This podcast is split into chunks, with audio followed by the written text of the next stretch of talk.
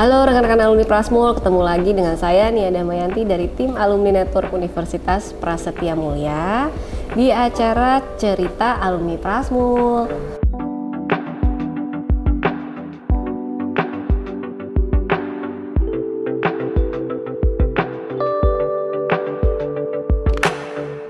Nah, pada siang hari ini saya nih ya kedatangan seorang tamu cantik yang kita akan ngobrol seru-seruan ya hari ini tentang uh, kisahnya dari kakak cantik sebelah saya ini. Halo kakak, namanya siapa sih kak? Nama saya Marcella.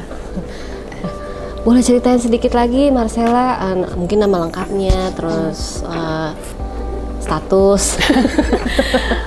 saya alumni Prasetya Mulia MMR 50 jadi waktu itu kuliahnya ambil yang reguler tuh yang Senin sampai Jumat pagi sampai malam gitu. Terus gimana ceritanya bisa masuk Prasmul? Dulu saya lulus SMA ngambil S1 kedokteran. Udah lulus saya ngerasa ada panggilan jiwa untuk kuliah di bisnis gitu. Karena kan ngeliat orang tua semuanya usaha mereka wira swasta kan. Uh, istilahnya kayak palu gada lah semua dikerjain gitu. Pengen nih bisa kayak mereka terus ya udah aku masuk ke Prasmul. Terus kenapa bisa main biola? Pertanyaannya kok random banget gitu kan ngacak. Jadi main biola tuh udah dari umur 5 5 tahun terus ngeles. Eh, berhenti pas aku mulai kuliah S1 tapi tetap kerja di bidang biola. Jadi sambil kuliah di Prasmul pun aku main biola juga buat bayar uang kuliah gitu ceritanya. Kalau tadi biasanya uh, kerja main biola berarti ini ya ikut event-event gitu. Jadi karir main biola pertama saya nyemplung ke dunia showbiz di umur 8 tahun diundang Bapak Jaya Suprana. Waktu itu masih ada TPI. Uh, TPI uh, jadi namanya Jaya Suprana Show. Terus mulai bergabung dengan orkestra itu di usia 13 tahun. Dulu saya peserta orkestra termuda di Jakarta Concert Orchestra itu di bawah bimbingannya Kak Afif Priyatna. Jadi beliau juga kondek paduan suara yang Indonesia yang tiap kali kompetisi ke luar negeri itu pasti juara satu. Dan saya bangga sekali bergabung di Orkestra Jakarta Concert Orchestra. Lalu dilanjutkan juga di Twilight Youth Orchestra sebagai konser master dan solois. Kemudian masuk ke Twilight Orchestra, yang terakhir yang paling sering adalah di Erwin Gutawa dan yang menyenangkan di Erwin Gutawa ini saya ngeband jadi main biola tapi sifatnya solois, orkestranya di belakang begitu kak. Wah mantep mantep ya. Levelnya udah Erwin Gutawa aja nih ya, luar biasa sekali ya. Uh, ini pertanyaan berikutnya sebenarnya apa sih yang menginspirasi dirimu nih sehingga mau jadi seorang violin performer gitu atau istilahnya sebenarnya apa sih violinis? Violinis sih, violin performer juga boleh. Awalnya kok bisa milih biola gitu? Siapa sih yang bikin kepengen main dulu sih dipaksa waktu kecil kak hmm. sama papa jadi papa kan tipikalnya otoriter ya gara-gara papa judulnya bisa kenalan nama si biola ini sekeras itu ya ternyata iya. ya nah terus aku pengen nanya juga nih kan kamu lulusan MM nih ya hmm. terus uh, S1-nya kedokteran kan ya? S1 ku kedokteran, benar. Nah, dulu ngambil S1-nya dokter umum. Dokter umum. Oke. Terus tapi udah sempat sampai koas. Udah, udah koas, terus udah internship juga ke Minahasa Selatan di Amurang dulu. Oh, okay, Terus okay. pindah ke Manado, RS Teling, Rumah Sakit Tentara di Manado. Oke, okay, terus kalau dari dokter sama MM, kenapa tiba-tiba memilihnya justru menjadi seorang violinis gitu? Sebenarnya udah coba berbagai macam karir, udah coba sebagai dokter tentunya ya kan koas tambah internship, terus coba di marketing juga di company korporat, uh, udah coba juga yang persilangan. Jadi marketing di rumah sakit tuh pernah coba juga. Terus marketing di Kompas Gramedia di sorry waktu itu di human resource-nya di bagian HR Kompas Gramedia. Tapi masih ada hubungannya sama health juga. Terus kalau biola mah udah nyoba dari dulu gitu ya. At the end sih ngerasa ternyata yang paling nyaman tuh di biola gitu. Kata orang sih uh, orang yang paling sulit diatur itu dokter musisi gitu ya. kalau saya combo jadi ya memang susah diatur sih. Nggak bisa punya atasan gitu jadi suka semua maunya. Kan pikirnya out of the box gitu kan kreatif banget. Jadi ya udah kita main biola aja kanan kiri ya kan. Pindah-pindah. Wah luar biasa. Tapi uh, sebenarnya kalau pas kamu kan udah milih nih ya jadi violinis gitu. Selama jadi violinis kamu pernah ngalamin kayak kendala gitu nggak sih? Atau kendala apa yang kira-kira paling besar yang pernah kamu alamin Yang paling besar sih dulu waktu abis lulus S1 kan job main biola tuh lagi banyak banget ya. Terus mama papa kan mereka semua kuliahan meskipun seniman juga tapi punya side job gitu dan mengerti bahwa dunia entertainment itu adalah bidang pekerjaan yang sangat tidak stabil apalagi di Indonesia. Jadi misal ada kerusuhan ya siapa juga gitu yang mau nge-hire pemain biola kan ada pandemi covid yang kena pertama itu kan di bidang bisnis showbiz hiburan gitu. Siapa juga yang butuh konser-konser. Kalau lagi pandemi kan orang pada diem di rumah. Dan mereka uh, waktu itu tanya gitu kamu nggak bisa ngamen terus pilih dah mau kamu lanjutin kerja di kantoran atau kamu lanjutin dokter kamu. Nah waktu itu dikasih pertanyaan kayak gitu kan. Dan waktu itu sedih juga sih. Akhirnya saya waktu itu uh, internship terus lanjut S2 kan. Lanjutin S2 saya. Terus kendala setelah menikah saya udah nikah sih kak. Hmm. itu ngatur waktu sama anak. Jadi job saya kan memang banyak banget. Memang ini anugerah Tuhan sih. Pas pandemi aja orang pusing gitu ya cari job nggak ada panggilan. Mungkin wedding juga terbatas. Saya ini sedih waktu pandemi karena nggak diizinin ngambil job. Jadi seminggu tuh bisa 5 sampai tujuh kali lah. Kayak mohon maaf ya belum bisa. Itu waktu itu kan sama suami nggak dikasih suruh jagain anak. Mungkin juga kekhawatiran kena covid dulu kan. Jadi ya harus pintar-pintar bagi waktu antara keluarga dengan karir. Kalau misalnya saya ngikutin keinginan hati bisa-bisa nggak pulang-pulang sih. Main biola terus gitu. Kalau sekarang lebih selektif sih kak. Oke oke. Baik. Nah terus um, ini kan udah tadi kan kamu ngebahas tentang personal branding nih ya. Hmm. Nah kalau kamu sendiri itu uh, menurut kamu ya gimana sih cara untuk mengembangkan personal branding kamu nih as a violinist?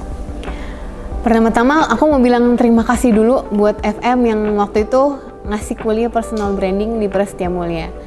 Karena sejak kelas itu mataku terbuka dan aku ngikutin semua yang FM-nya bilang uh, dia kan jelasin apa itu personal branding, gimana sih caranya uh, bikin orang tuh mengenal kamu sesuai dengan apa yang mau kamu tampilkan ke orang lain, tapi bukan bohong, itu kan namanya personal branding.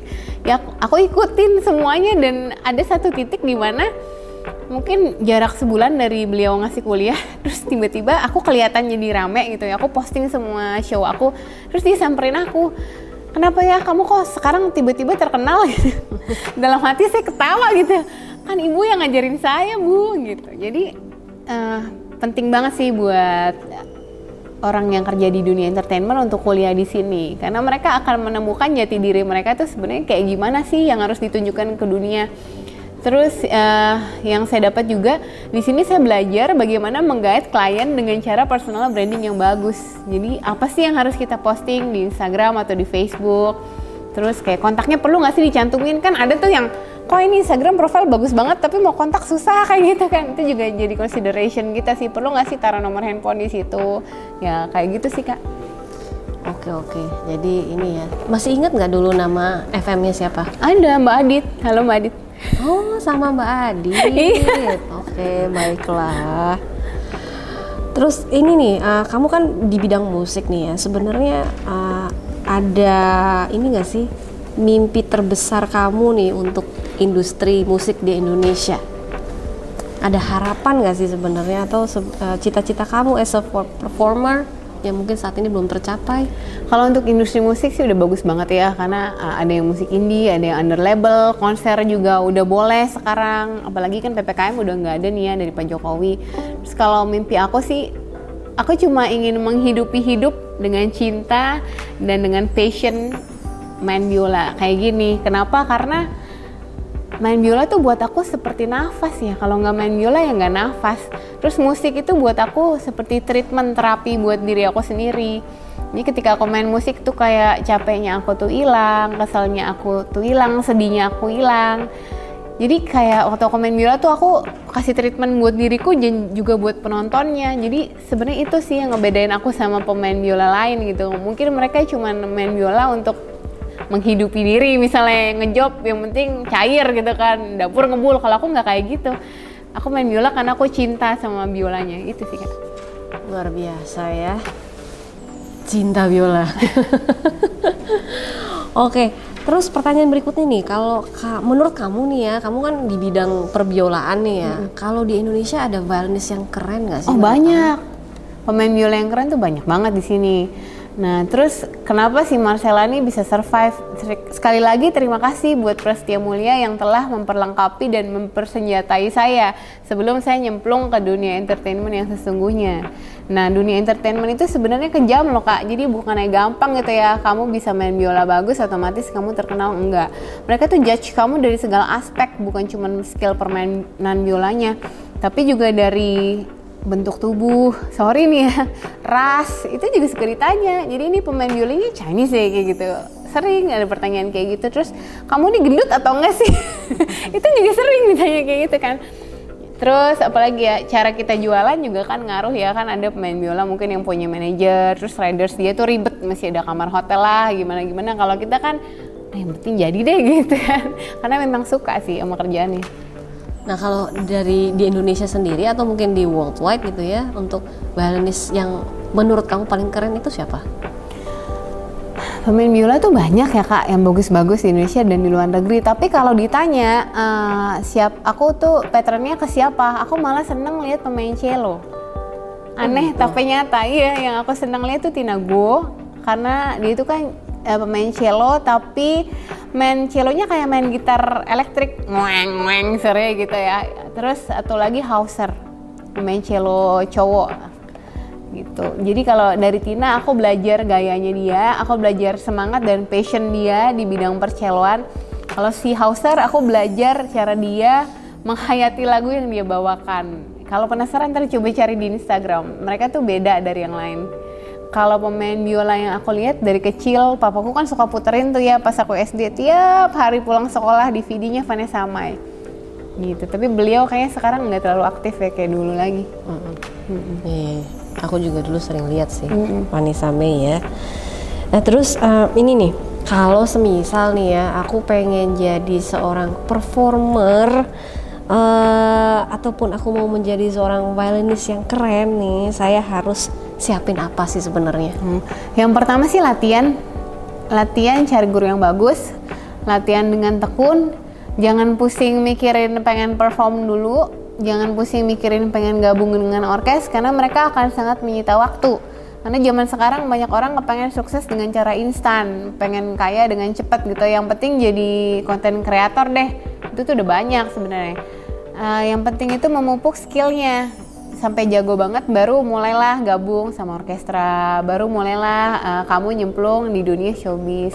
Karena fondasi yang sangat kuat itu penting banget buat seorang entertainer gitu. Kalau saya dulu belajar klasikal dulu buku saya tuh bisa ada lima. Jadi saya les seminggu sekali dengan almarhum Adi Dharma Wijaya. Lalu enam hari berikutnya saya dilatih papa saya di rumah. Jadi nggak dikasih napas gitu ya.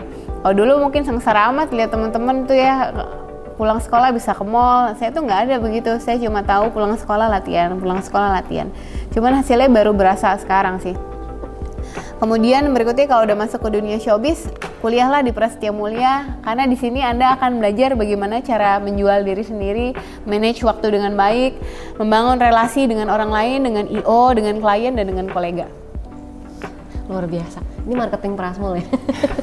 Side jobnya ya saya nggak dibayar ya di sini ya kak disclaimernya dulu kuliahnya juga bayar sendiri loh nggak beasiswa Oke, jadi ini pertanyaan terakhir nih buat Marcella nih. Kalau kamu kan selama ini udah kuliah di Prasmu, terus sekarang udah jadi alumni udah cukup lama ya.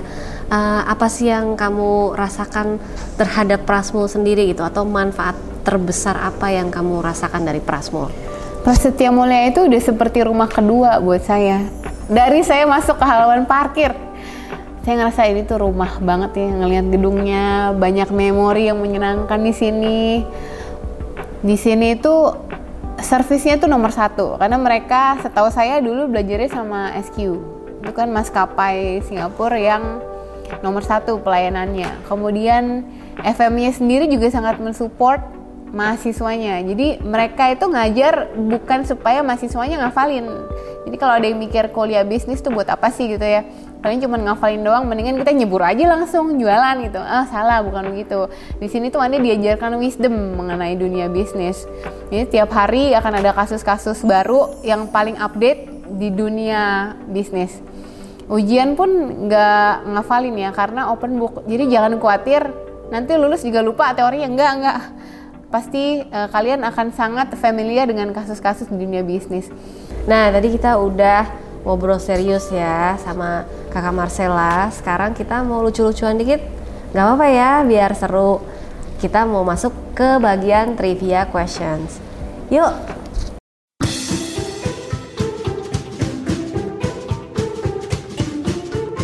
Oke, okay.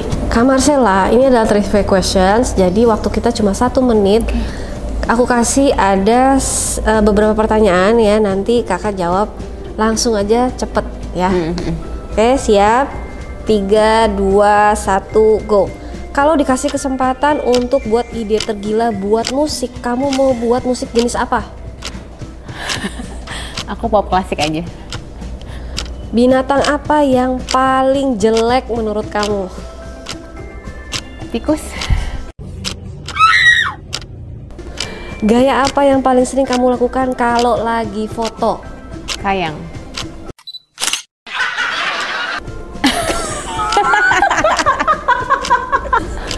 Kalau kamu punya kekuatan bisa ngelihat masa depan, kamu mau ngapain? Aku pengen lihat masa depan aku 20 tahun ke depan jadi apa?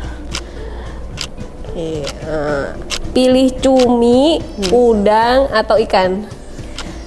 Cumi, pete, pakai cabai rawit sama bawang merah, bawang putih, masak sendiri pastinya. Apa jajanan yang paling sering dibeli waktu zaman kuliah di Prasmul dulu? Oh, lidi. Kalau kamu bisa kembali ke masa lalu, kamu mau balik ke zaman apa? Nggak pengen. Apa warna favoritnya Doctor Strange? Aku nggak tahu ya kak. Mohon maaf. Sebutkan tempat favorit kamu di Prasmo. Ruang kuliah. Siapa bintang sinetron favoritmu? Next. Hidup kok kayak di sinetron aja sih. Pilih Chris Hemsworth atau Chris Evans? Itu siapa? Aku nggak tahu.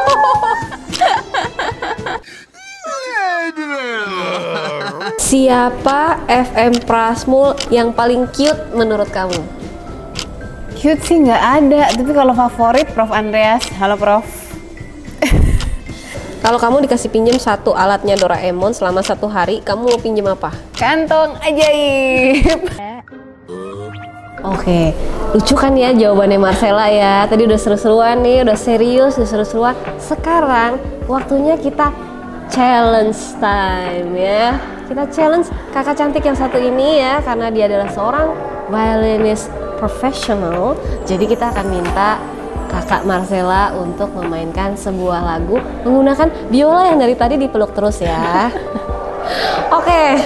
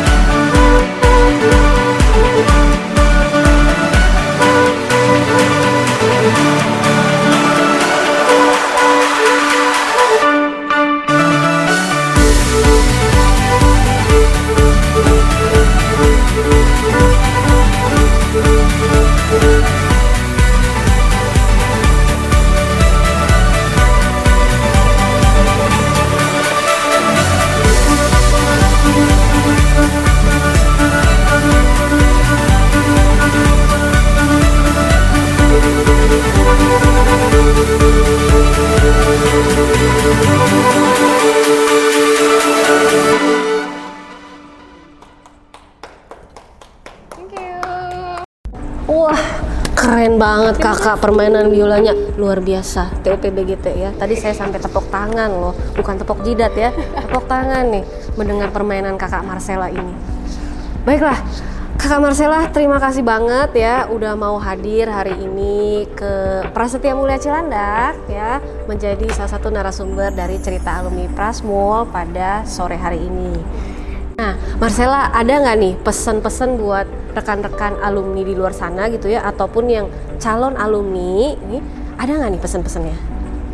Pertama-tama pesan buat alumni S1 yang pengen lanjut S2, jangan lirik kanan kiri, langsung masuk aja ke Prasetya Mulia Cilandak karena di sini adalah number one the best business school in Indonesia.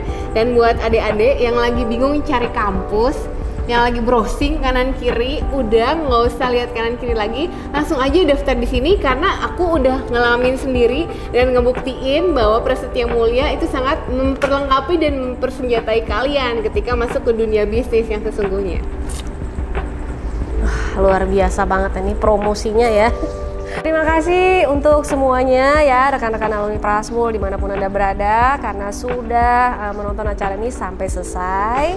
Jangan lupa nih ya saya nggak bosan-bosan ngingetin untuk follow IG kami di @alumniprasmul, subscribe YouTube kami di Ika Prama dan Spotify kami juga di Ika Prama. Kemudian uh, kalau misalkan mau nonton videonya bisa nonton di YouTube. Kalau mau dengerin suara kita kita lagi cerita nih lagi seru-seruan bisa di Spotify ya di podcast. Nah, sampai ketemu lagi di acara Cerita Alumni Prasmul berikutnya. See ya!